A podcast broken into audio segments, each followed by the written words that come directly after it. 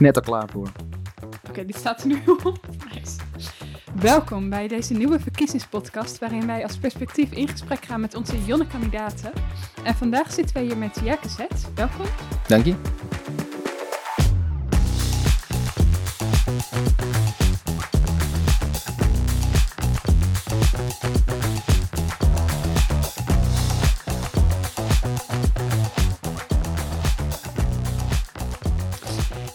Jij bent kandidaat. Hoe is dat? Dat is ehm, bijzonder om mee te maken. Ehm, ja, en ook ja, als, als jonge kandidaat. Ik ben debutant op de lijst, dus ik sta voor de eerste keer op de, op de landelijke lijst. En ze hebben me gelijk op eh, plek 12 gezet. Dat is een hele eer. Eh, en het is echt ontzettend vermoeiend. Dat kan ik je vertellen. het is, de campagnetijd is zo druk. Ik heb nog nooit zo'n volle agenda gehad als nu. Hey, en was dit nou eigenlijk ook een kleine Jonnestroom of was dit iets wat je echt overviel? Eh, het is voor mij vrij vroeg wel begonnen. Ik denk dat ik toen ik uh, 12 was wel al heel erg nou, buitengewoon uh, um, geïnteresseerd was in, in politiek. Uh, dat andere mensen er nog helemaal niet mee bezig waren. maar ik in debat moest kijken, ook als er een feestje werd georganiseerd. Um, maar om het nou een jongstroom te noemen, dat denk ik niet. Omdat ik Den Haag toch ook best wel de politiek daar is niet het, uh, op zijn mooist, zeg maar. Ik vind de gemeentepolitiek zit in de gemeenteraad van Assen. Uh, dat vind ik heel erg mooi, uh, omdat je daar heel dicht bij de mensen staat en je ziet wat je doet. ik vind Den Haag, vind ik soms wel um, een beetje lelijk. Mensen die elkaar de, de poten onder de stoelen vandaan proberen te zagen. en nou ja, dat vind ik ook wel een beetje spannend. En tegelijkertijd, ja, voor het landsbelang dingen doen is ook echt wel een waarde die ik belangrijk vind. Dat je daarvoor inzet. Mooi. Daarover later meer bij de inhoud. Maar eerst voor de mensen die jou nog niet kennen. Wie ben jij? Ik ben dus uh, Jerke Sets. ja, precies. ja. Daar kennen je van je poster. Ja, ja, ja, ja. ik ben uh, 25 jaar. Ik kom uit een gezin van uh, vijf jongens. Ik ben de middelste. Ehm, ik ben geboren in Zwolle. Toen ik zeven was, ben ik verhuisd naar Assen. En uh, daar heb ik eigenlijk het grootste gedeelte van mijn jeugd doorgebracht. En een goede jeugd gehad. Uh, maar wel als middelste moest ik altijd. Uh, um, nou ja, ik had twee oudere broers die zitten dicht bij elkaar qua leeftijd. En ik heb twee jongere broers die zitten ook dicht bij elkaar qua leeftijd. Ik zit daar dan wat verder vanaf. Mm. Uh, dus ik ben echt de middelste. En nou ja, misschien dat daar de politiek wel vandaan komt, omdat ik altijd tussen twee, twee kampen in zat. Een echt sandwichkind. en echt sandwichkind. Ja. ja, precies. Ja. En uh, toen gaan studeren in Den Haag, bestuurskunde overheidsmanagement gedaan. En uh, toen zodra het kon, als de vierde weer, gaan we weer terug gaan naar Assen. Omdat, uh, ja, Assen is de plek waar ik woon. Dat is, dat is mijn thuis. Dus daar wilde ik heel snel weer naar terug. En dat vind ik altijd zo wonderlijk als ik met jou of jouw familie spreek. Iedereen is zo vol van Assen. Waar komt dat nou vandaan? Assen is eigenlijk de perfecte combi tussen een stad en een dorp. Dus uh, het is niet zo dorps dat iedereen je kent en dat je niks kunt maken. Uh, maar, uh, maar het is ook niet zo stads dat jij een dag door de stad kunt lopen en niemand tegenkomt. Dus het is, um, ja, um, de voorzieningen zijn er. en tegelijkertijd heb je het, het, het, gemeenschapsgevoel hè, van, van Assenaren onder elkaar. dat is heel sterk. En tegelijkertijd zijn er dus ook genoeg mensen om nog nieuwe mensen tegen te komen. Uh, zo nu en dan. Af en toe, als het even mee zit. Ja, als het ja, even ja. mee zit, dan moet je ongeveer een nieuwe persoon elke drie weken of zo. Dat, uh, dat is ja. verder niet uh, schrikbarend. Nee. Hey, en um, je bent dus fan van Assen. En hoe zou je jezelf in drie woorden omschrijven? Er was een NSC-politicus uh, um, die zei uh, Aant Jelle Soepboer. Omdat hij vond dat dit soort, uh, dit soort vragen heel stom zijn. Want je kan niemand in drie woorden beschrijven. Dus ik ga zijn voorbeeld denk ik maar even volgen. Ik zeg gewoon stem Sets. Ja, dat zijn er drie. Ja, ja. dat is toegestaan. Nou, je hoort het, stem allemaal Jerke. En um, ik ben wel benieuwd over jouw drijfveren. Want we weten een beetje wie jij bent. Maar wat maakt nou echt dat je denkt, ik ga de wereld redden, ik ga de politiek in? Nou, ik ga de wereld niet redden, want ik geloof dat de wereld al gered is. Uh, Mooi ChristenUnie ja, ja, Nee, uh, uh, maar ik denk wel dat wij, we hebben een, een, een belofte vanuit de Bijbel dat wij een hoopvolle toekomst mogen verwachten en dat we daaraan bij mogen dragen ook. En dat is wat ik ook denk dat we doen in de politiek. En dat is ook waarom ik de slogan durf te hopen zo mooi vind. Is omdat er een belofte is van God dat, dat er een mooie toekomst op ons, ons staat te wachten en dat we daaraan mogen bijdragen. En nou ja, dat is voor mij een drijfveer om in de politiek aan de slag te gaan. Um, en, en ja, dat is eigenlijk, dat is eigenlijk ook waar, waarvanuit ik politiek bedrijf, denk ik, ja. Mooi. En ik kijk ook even naar de poster achter ons ondertussen, waar de regenboog ook op staat, als teken van hoop. Mhm. Is dat ook iets waar jij je voor in wil zetten, waar jij druk mee bezig bent? Voor de regenboog? Of, eh, Nee, voor dat eh, hooprennen.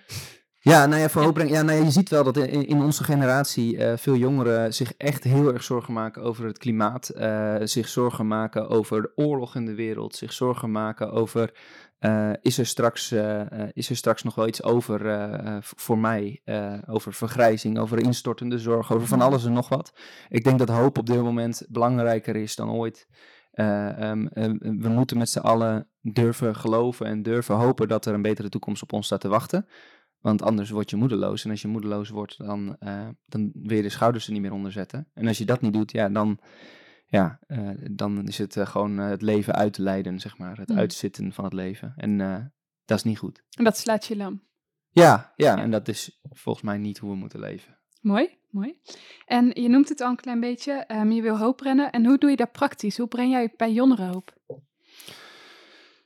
Ehm, ik heb daar een hele bescheiden rol in. Ik ben ook mens, dus ik, ik, ik doe mijn best. Het lukt niet altijd. Ik denk dat het goed is om ehm, het gesprek aan te gaan over hoop en waarom het belangrijk is om hoop te houden. Ehm, wat ik ook belangrijk vind is dat we eh, met z'n allen bouwen aan een samenleving die ervoor zorgt dat de mensen die het het minst hebben het nog steeds goed hebben. Eh, dus dat je nou, een beetje een beetje de, als, als, we, ik ben wel op de christelijke tour vandaag, maar eh, de- als, als ik er een bijbeltekst bij mag halen, wat, wat je gedaan hebt voor de, voor de minste van mijn broeders, dat heb je voor mij gedaan, dat zei Jezus. En ik geloof dat dat, dat eh, niet alleen een regel is eh, die, ons, die ervoor zorgt voor, dat, dat de minste van onze broeders het goed hebben, maar ik geloof dat het ook goed is voor onszelf. Dus dat je, als jij er bent voor de minste van je broeders en zusters, dan, dan eh, eh, z- zorgt dat ervoor dat jij eh, als mens eh, een volle leven leidt. Omdat jij de perspectieven ziet die je anders niet had gezien. Omdat jij erachter komt dat dat wat lelijk lijkt van de buitenkant eigenlijk heel mooi is. En dat er hele mooie dingen aan zitten. En dat is ook, ehm, ja, dat is ook waar ik, waar ik, waar, waarmee ik hoop probeer te brengen. Is dat ik, dat ik denk van, daar zet ik me in, voor in voor de politiek. voor, tegen de armoede. eh, ehm, maar wel door het lelijke heen. Dus niet, niet proberen weg te kijken van lelijke dingen, maar gewoon dwars er doorheen. Op bezoek bij de plekken eh, waar het om gaat. En niet eh, eh, aan de tekentafel dingen bedenken en dan maar dat even op de samenleving plompen. Dus echt naar de plekken waar je het hardste nodig bent. Ja, of waar ik denk dat ik het hardste nodig ben, hè? want soms is dat helemaal niet zo. Soms kom ik daar aan en dan blijkt het uiteindelijk dat die mensen mij helemaal niet nodig hebben. En dan ga je maar weer naar huis. Nou ja, of je blijft nog even voor een, eh, voor een koekje en een kopje koffie. Kan ook. Ja. En jij bent raadslid in Assen natuurlijk. Eh, daar vertel je ook graag over. Dat is een eh, intern bestuurschapje. Wat ehm, heb je daar al betekend van hoopbrennen? Wat betekent je daar al voor jongeren? Ehm, nou, he- heel, heel praktisch eh, zijn we, hebben we net een startnotitie jongeren eh, hebben door de raad gekregen, waarin we een eh jongerenbudget hebben vrijgemaakt, waarbij jongeren echt zelf keuzes mogen gaan maken over het geld dat voor hun besteed is. Dat gaat ongeveer over een ton per jaar.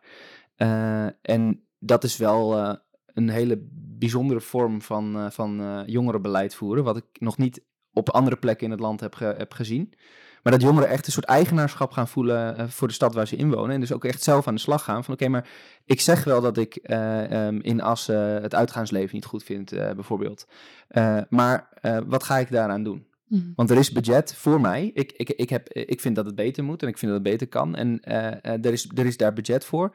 Nou, laten we, dan, laten we dan kijken wat daarmee kan. En het leuke daaraan is, is dat ja, je ziet dat aan de ene kant jongeren die hier aan meedoen, meedoen, dit proces doorgaan, eh, eh, minder snel klagen. eh, omdat ze merken hoe complex het is. En aan de andere kant komen er ook echt gewoon betere ideeën uit, denk ik. Hm? Eh, ehm, is mij nu al opgevallen. En hoewel het nog, nog, nog echt wel in de kinderschoenen staat. Dus we moeten, we moeten voor een groot deel ook nog beginnen. Maar het is me nu al opgevallen dat de jongeren die erin meedraaien ook echt wel een soort van eigenaarschap voelen richting de stad. En is dat dan ook niet gevaarlijk? Dat jongeren zoveel verantwoordelijkheid krijgen? Zeker in de tijd met zoveel prestatiedruk? Ga op. Nee, ja. Ja, het is een kritische vraag, hè? Eh, is dat niet gevaarlijk? Nee, ja, nee ik, eh, ik, ik geloof niet dat het gevaarlijk is om jongeren verantwoordelijkheid eh, te geven. Eh, ehm, zeker niet als je het samen doet. Het is niet, het is niet dat we ze. Het is niet een opdracht van leven of dood. Dus daar hangt niet in die zin leven of dood van ze af. Maar wel van je wil iets. nou, laat maar zien wat je, wat je dan wil.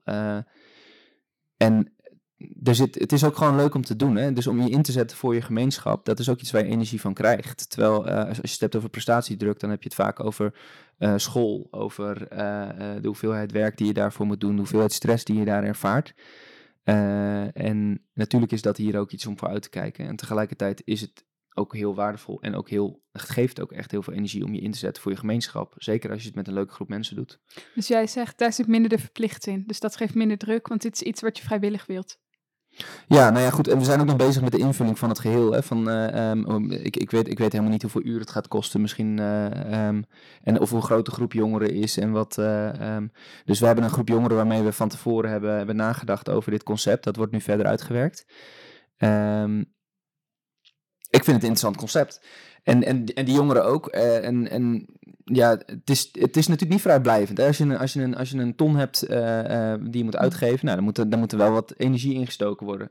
maar je ziet ook dat jongeren dat dus wel leuk vinden. En, en dat zal denk ik iedereen wel herkennen. Er zijn dingen waar je voor 10 minuten werk soms een uur mee bezig bent, wat ontzettend, ontzettend veel energie kost.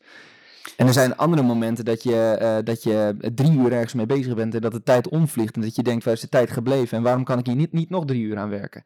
Het voelt een beetje als de campagne die je nu beschrijft. ja. ja. welke van de twee dan? Is het dan de combinatie, toch? Oké, ja, ja, ja, ja.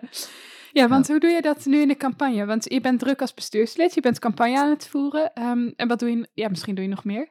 Nee, nee, de, nou ja, ik, eh, ik, ben, ja, dus we hebben de begrotingsbehandeling nu, dus dat is ook best nogal het werk. Uh, maar uh, mijn leven is wel uh, vrij veel campagne op dit moment, ja. Ja, want neem ons eens mee. Wat heb je vandaag allemaal voor de campagne gedaan? Ik had vanochtend een, uh, een interview met uh, de Asser Courant. Dat is de, de plaatselijke krant uh, in Assen. die in elke brievenbus van elke Assenaar terechtkomt. Dus dat is trouwens tip 1 voor mensen die politieke ambities hebben. Eert uw plaatselijke suffertje. Want het, het, het plaatselijke krantje is echt super belangrijk als je een gemeenteraad in wil. Dus onderschat dat niet. Want er zijn echt heel veel mensen die dat lezen. En die daar ook hun nieuws uit halen. Ehm, er was een goed gesprek, was een goed interview. Uh, was een lang interview ook. Uh, ik denk dat ik wel drie uur heb gezeten bij het interview. daarna ben ik naar Deltion College geweest in Zwolle. dat is een mbo-school en daar hadden ze een verkiezingsmarkt. en daar was ik met Kilian, bestuurslid lokaal en leden. die altijd hamert op hoe belangrijk mbo is. En ik ben het steeds meer met hem eens. ook als je ziet hoeveel andere partijen mbo niet serieus nemen. En je denkt, ja, sorry, maar uh, het grootste gedeelte van, uh, van de mensen die opgeleid worden in Nederland uh, zijn niet HBO en universiteit. Dat zijn mensen op het MBO. En dat zijn ook de mensen die straks, straks um, ja, vak, vak, een vak gaan mhm. leren. Die we keihard nodig hebben. en daar is dus weinig aandacht voor. En waar kwam dan bij jou dat besef vandaan dat je nu zegt: um, MBO's worden steeds belangrijker? Nou, dat besef was er voor mij eigenlijk altijd wel, denk ik. Ik, heb, uh, ik ben niet opge, opgegroeid met het idee dat een papiertje bepaalt wie je bent. Uh, uh, en ik heb ook altijd van mijn ouders meegekregen dat welke weg je ook gaat, of dat nou is, is, is goed. Het is het belangrijkste dat jij een, um, iets gaat doen waar jij zelf gelukkig van wordt. En er, zit, er zit in mijn gezin, zover ik weet, geen enkel uh, geen enkele waarde aan, uh, aan het papiertje universiteit, HBO, MBO. Het maakt echt niet uit. Zolang jij je eigen weg maar gaat en zolang, uh, zolang je daar nou ja, gelukkig bij voelt. En, en als je er niet bij gelukkig bij voelt, dan gaan we gewoon met z'n allen om jou heen staan en kijken waar word je dan wel blij van. Hm? Dus, dus ik heb nooit um, ik heb nooit MBO niet belangrijk gevonden, maar het is wel, uh, ik heb uh, uh, een HBO-opleiding gedaan, dus het is wel een andere bubbel. Hmm. Maar het, het, valt me nu op, nu ik in, me in de MBO-wereld begeef, hoe weinig aandacht ervoor is. en dat, dat hoor ik ook van de MBO's om me heen als ik hier dan naar vraag van, maar ja, herken je je überhaupt een beetje in de, in, in de politiek? En je merkt gewoon dat er gewoon heel weinig partijen zijn die voor MBO's aanspreken breken, omdat er gewoon heel weinig MBO'ers in de politiek zijn. En omdat er heel weinig MBO'ers, uh, uh, heel weinig politieke partijen zijn die zich ook bezighouden met MBO'ers. Dat is eigenlijk heel slecht. Dat hoort niet in een democratie. Nee, de, nou ja, zelf ben ik het er natuurlijk mee eens. Um, maar hoe ga jij er hard voor maken dat je dit, um, stel je wordt gekozen, je, je, gaat naar Den Haag toe, dat je toch die MBO, MBO's mee gaat nemen naar Den Haag? Nou, eh, dat, dat, dat begint, het begint sowieso bij jezelf. Ik heb, ik heb vandaag bij Deltion College, een college aangegeven dat wij ook buiten verkiezingstijd als perspectief heel erg openstaan om uh, mee te doen aan dit soort activiteiten, zoals een verkiezingsmarkt of, of lessen burgerschap of dat, soort, dat soort dingen. Daar willen wij echt heel graag aan meewerken. ik heb, oh ja, als ik, als, ik, als ik naar Den Haag ga, dan gaat dat denk ik um, gaat het denk ik op dezelfde manier. Dat is ook gewoon, uh, ik, wij hebben op het HBO, op bestuurskunde, hebben wij regelmatig uh, een les gehad van een, van een Kamerlid die daar wel voor open stond. nou, die, die beschikbaarheid wil ik dat die er ook voor is voor, voor MBO'ers. En daar zou ik me ook beschikbaar voor stellen als je dan Kamerlid bent en dat doet. Maar daar houdt het natuurlijk niet op, want er zijn een heleboel, er is heel weinig, er is in Den Haag heel weinig expertise en zicht op, op MBO'ers. En dat betekent ook gewoon dat je mbo'ers in huis moet gaan halen. Zeker. Dus, dus misschien, misschien moeten we in de, in de fractie van de ChristenUnie uh, uh, maar eens uh, vacatures open gaan stellen voor mbo'ers. Lijkt mij een goed idee. Dat kunnen we regelen.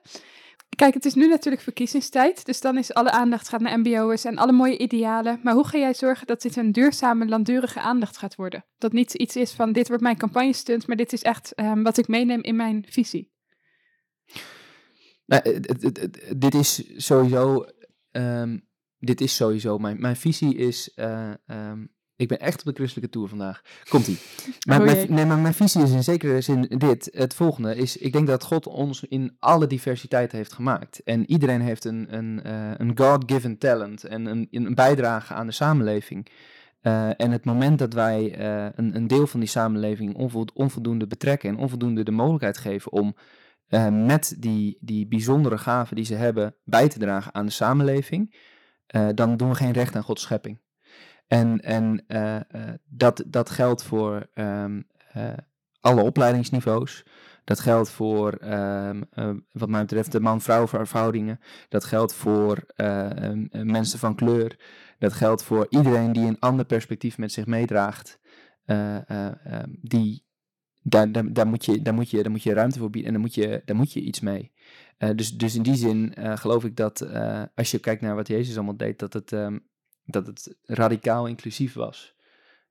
betekent niet dat je alles maar moet accepteren van elk van die groepen. Hè? Want je kunt ook doorschieten in inclusiviteit. Dat je zegt, mm. oké, okay, deze belangengroep van, van, van, die wil dit en dus gaan we het ook doen. En daar sta ik niet bij. Maar uh, want je moet wel altijd het, het, het, algemeen belang voor ogen houden. Maar dat we op dit moment een hele verkokerde uh, kijk hebben op. op dus, dus ja, een hele beperkte, een hele, een hele strakke, beperkte blik hebben op de samenleving. Omdat in Den Haag gewoon er nou ja, veel mensen zijn met dezelfde eigenschappen.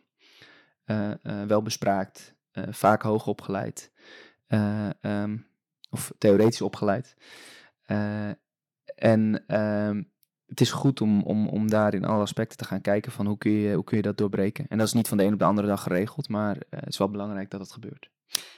Alleen even heel bot gezegd, als je een echt goede weerspiegeling wil hebben in de Tweede Kamer natuurlijk, van wat er in Nederland leeft, dan zou je ook bijvoorbeeld zeggen, er moet een crimineel in de Tweede Kamer komen. Nou, nee, nee, maar ik ben ook niet per se, uh, ik ben niet per se voorstander dat, dat, ik ben niet van de identiteitspolitiek in die mm -hmm. zin dat ik vind dat uh, um,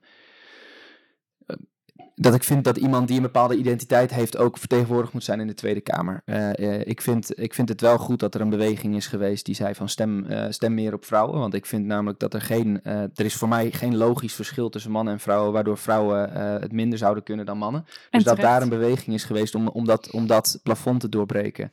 Dat vind ik heel goed. Uh, maar dat, dat, is, dat is natuurlijk wel, dat, dat, is niet, dat geldt niet voor alles, alles en iedereen. Uiteindelijk is het ook belangrijk dat je als politiek je, eh, je beseft dat je een beperkte blik hebt. En dat je vanuit die beperkte blik dus ook zegt: oké, maar we moeten die blik verbreden. Dus het is ook een verantwoordelijkheid van de mensen in de politiek om, uh, om in gesprek te gaan met de mensen die niet vertegenwoordigd zijn. En hun ook serieus te nemen. Dat is, een, dat is een, een hele grote verantwoordelijkheid van, um, van, van, van die politici.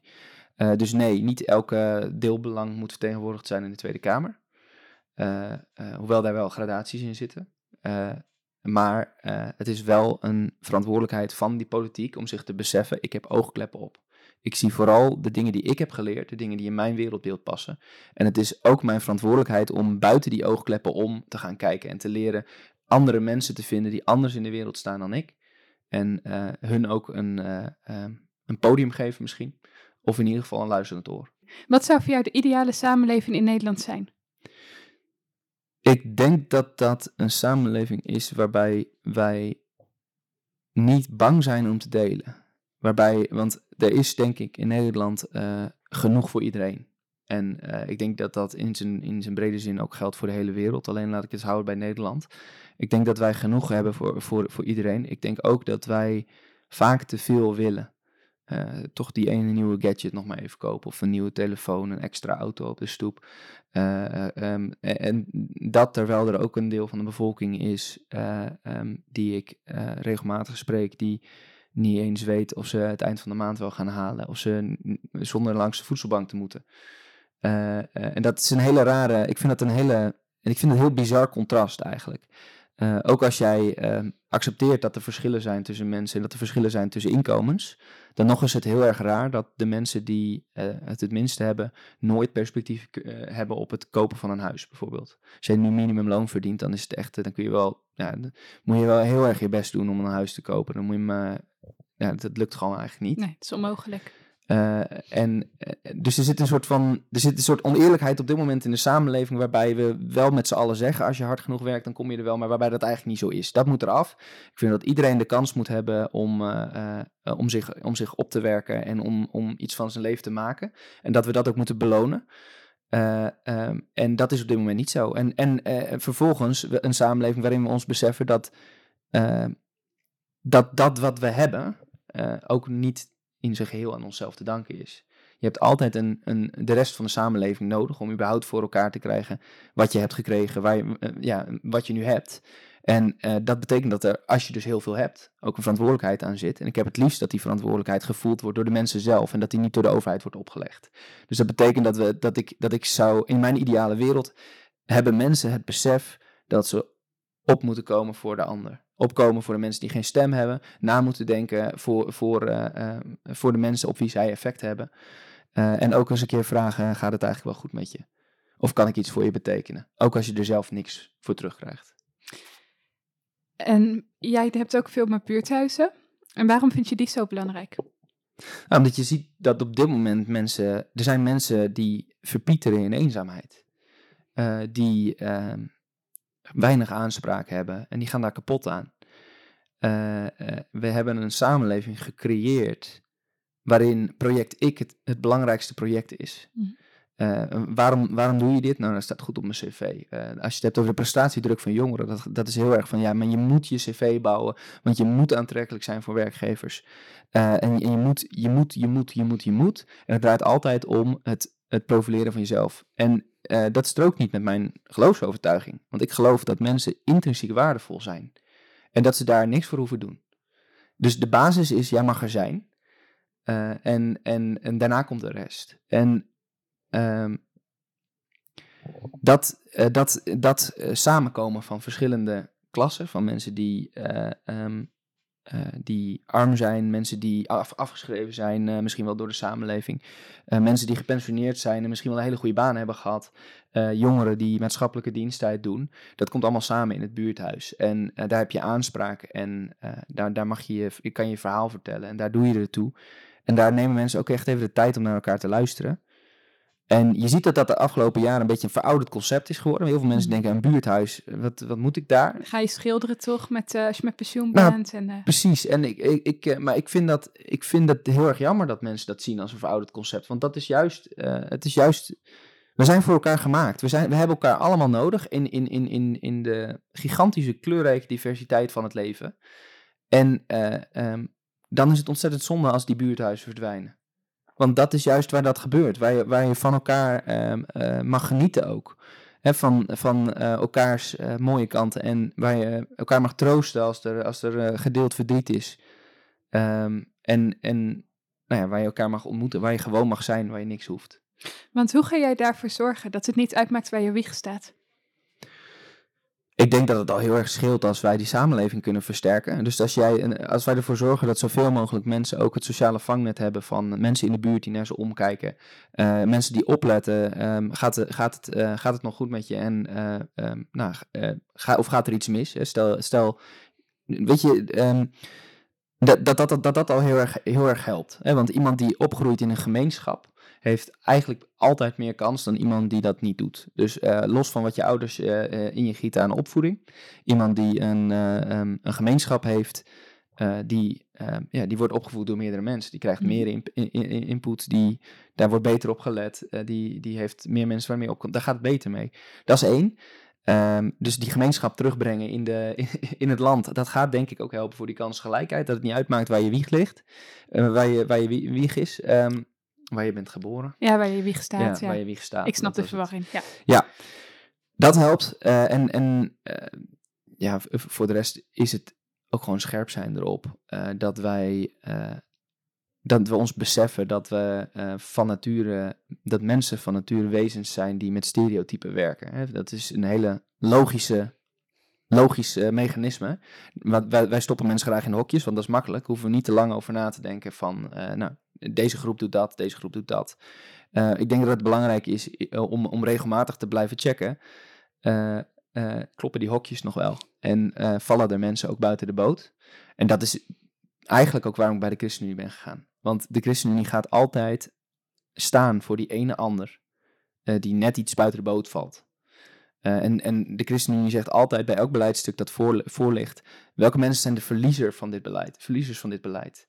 Nou, dat, dat, uh, um, als, je, als we daarop blijven hameren, kijk, die, die totale gelijkheid, daar gaan we nooit komen. Dit is een gebroken wereld, uh, maar ik denk dat als dit onze insteek blijft, van de ChristenUnie, dat we er dan wel dichterbij komen. En dat we daar ons steentje aan mogen bijdragen. En dat we misschien ook wel iets van het Koninkrijk van God mogen laten zien, zoals hij dat uh, aan ons beloofd heeft. En zoals het straks hopelijk ook, ook, allemaal zal zijn.